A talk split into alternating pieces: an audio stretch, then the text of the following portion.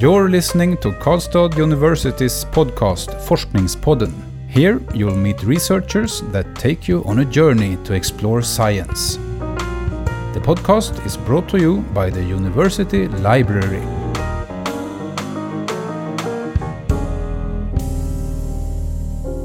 Hi and welcome to a new episode of Forskningspodden. My name is Magnus. Today I'm joined in the studio by Jo Ese, a researcher in working life science. Welcome, Jo. Thank you. Uh, the title of your thesis is Defending the University Academics' Reactions to Managerialism in Norwegian Higher Education. So, uh, first of all, can you please tell us a little bit what is behind this title? What is your thesis about?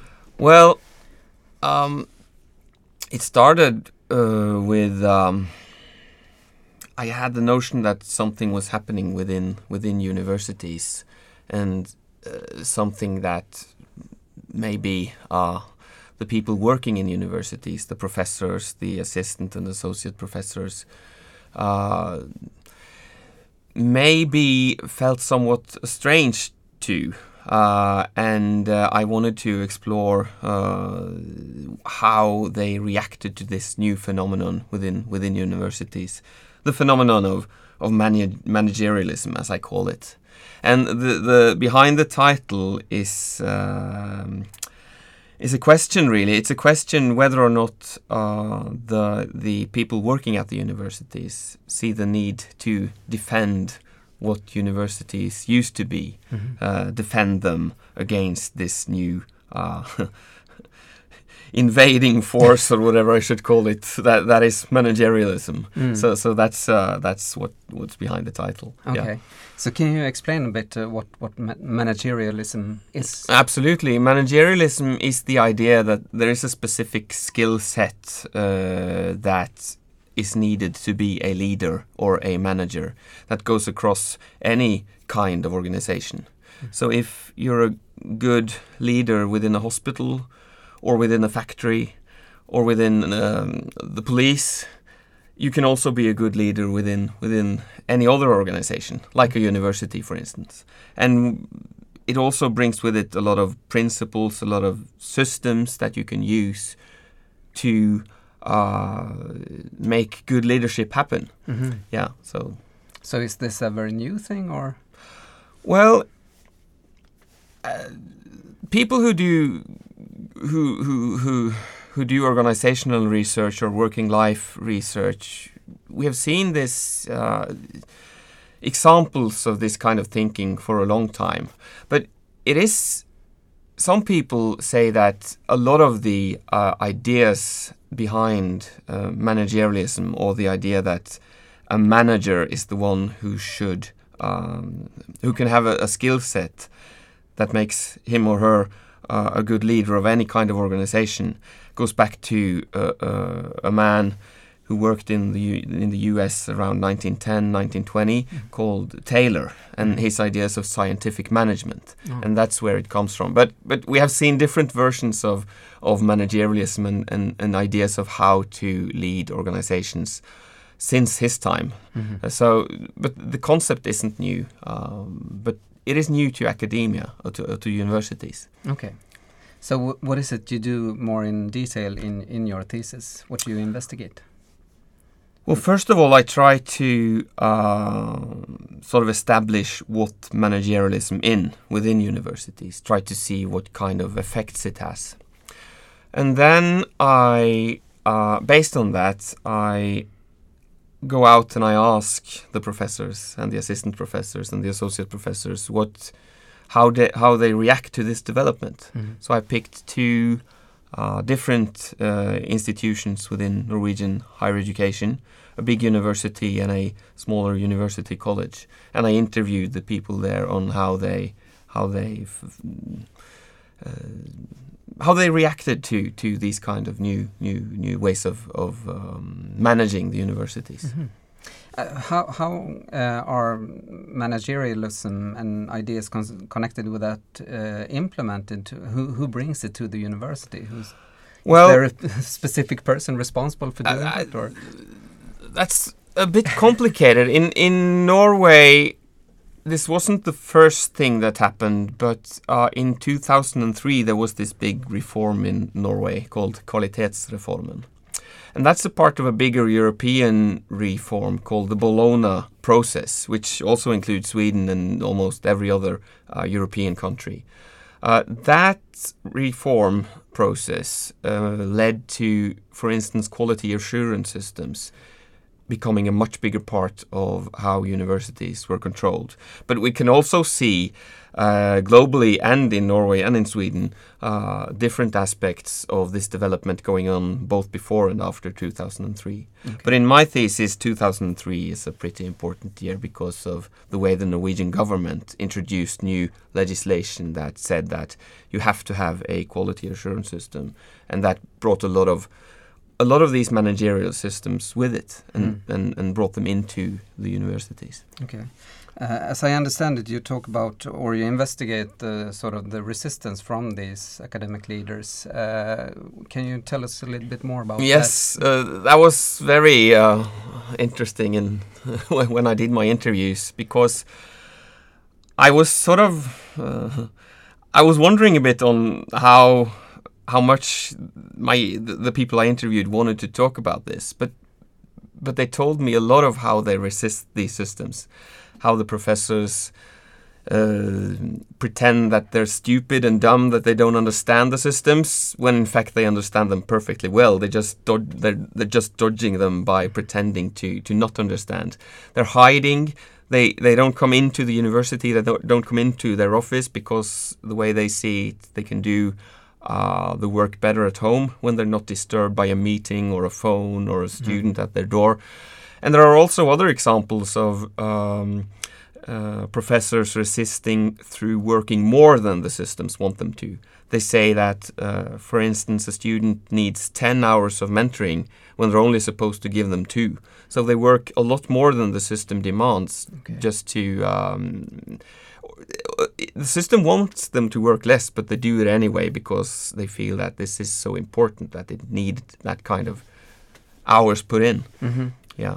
So, so did you only find resistance? Because I, I would suspect that uh, if you introduce a new system, it, it it's there to help uh, perhaps the Ab academics? Absolutely. I also found another category that I called gaming, which is not resistance, but it, it is a way for the professors to sort of comply with the system, but also use it in a way mm. uh, to to gain uh, to gain something for themselves. So they game the system. They do. Um, they sort of uh, adapt their publishing to the the metrics, the, the hmm. citation indexes, and, and and do smart things to sort of um, come better out of uh, the measuring of of uh, higher education. They can use small tricks to get better scores on student evaluations. Mm. They can they can trick the system in, in several ways. So. And I also found a third category because now we've established the resistance category and the gaming category. I also found a category that I called mediation, which is a category where people, where the professors try to uphold the sort of academic values that they, or the academic norms that they they deem important, but also try to uh, do as the systems want them to. Mm-hmm. But I found that that is quite a different a difficult position to, to take because it's it's hard to both comply to the demands of the systems and also uphold the academic norms. It's difficult for them. Can you give us an example of what you mean by uh, academic norm? Oh yeah, uh, I I lean a lot on a uh, American sociologist called Robert Merton, who developed a set of academic norms that he he coined uh, CUDOS, the CUDOS norms. That's an acronym. It, it, it means communism, universalism, uh, disinterestedness, and uh, organized criticism which summarizes uh, four important uh, norms for academic work. Mm. And managerialism, uh, to some degree, go against that. Uh, yeah, it, it, does actually. Uh, not in every situation, but in in some situation. For instance, the norm of communism says that every uh, academic finding should be available to the whole of science. Mm. Every person interested in doing science should uh, be able to find any uh, academic finding, anything that science produces. But as we all know, uh, uh, large publishing houses uh, like Root, uh, Elsevier, and, and all of those cases, they keep uh, new scientific findings behind paywalls. Mhm. So they're not available unless you're associated with a library that has access to, to all of these. And, and I'm sure this is also the case in the library here at Karlstad. Uh, this discussion is big. And, and there you see an example of managerialism um, uh, sort of crashing with the academic norm of communism. Mm. So, so this idea of managerialism affects all aspects of the academic work, would you say, or? Yeah, at least many of them. Uh, that's what I found. Everything from teaching to, to research to how study programs are developed, and yes, uh, many strands of, of, of academic work is effect, are are affected by this. Mm. I'm a bit curious of what uh, did your um, the professors you spoke to uh, what were wh- when you brought up this topic what were their Yeah, uh, many many of them reacted uh, in a fascinating way, actually, and that's a finding in itself because many of them thought that what I was doing was sort of a checkup if they uh, used the systems the way that they were supposed to use. So I spent, I don't know, in some interviews, 15 minutes asking them whether or not uh, the systems uh, supported their work. And they said, oh, yes, we always use the, the routines and the. Uh, uh, we use the systems the way that, that they're supposed to.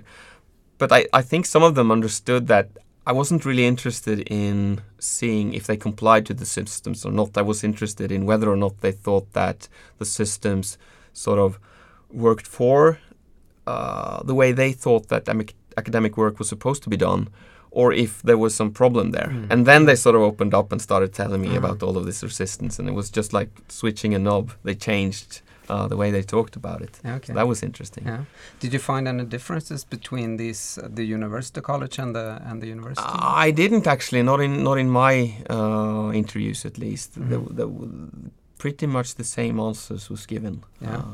By, by the different interviewees. So Yeah. it seems that this is present, at least uh, in the two two institutions that I interviewed. Uh, they were Mm. the same.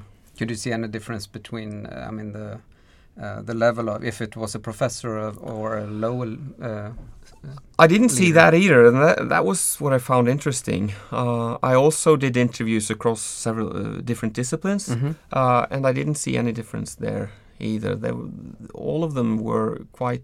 Uh, they cared about the, the academic norms, and I didn't see any any difference. N- not at least in my material. There, Mm. there wasn't any, any any difference between them. Okay, so this seems to be quite a universal idea. Yeah, at least according to, to my findings. Yeah. Yeah, So okay. uh, Do you Mm. suspect there is a difference between Norway and Sweden or something like that? National differences? well, I understand. there are yeah, but there are actually uh, some uh, Swedish research as well within this field, and from the UK and from Australia and the Netherlands that that have found sort of similar or described some of the things that I described.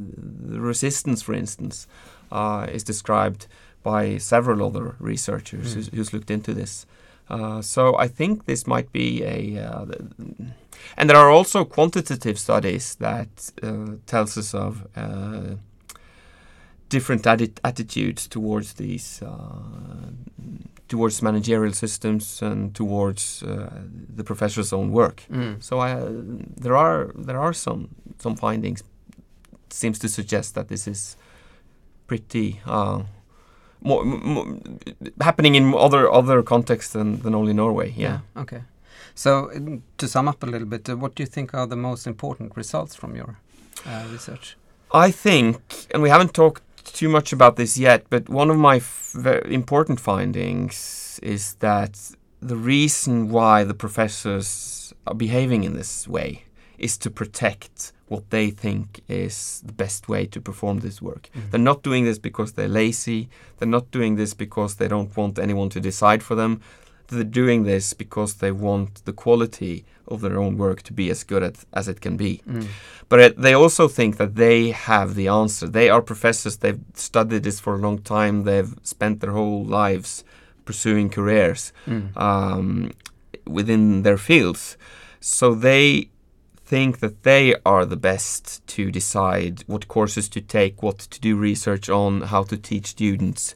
Uh, and that is why they are resisting Mm. to, to keep the managerial systems away from uh, these important decisions Mhm. because they think that if, if the systems are to decide, then the quality will actually be decreased.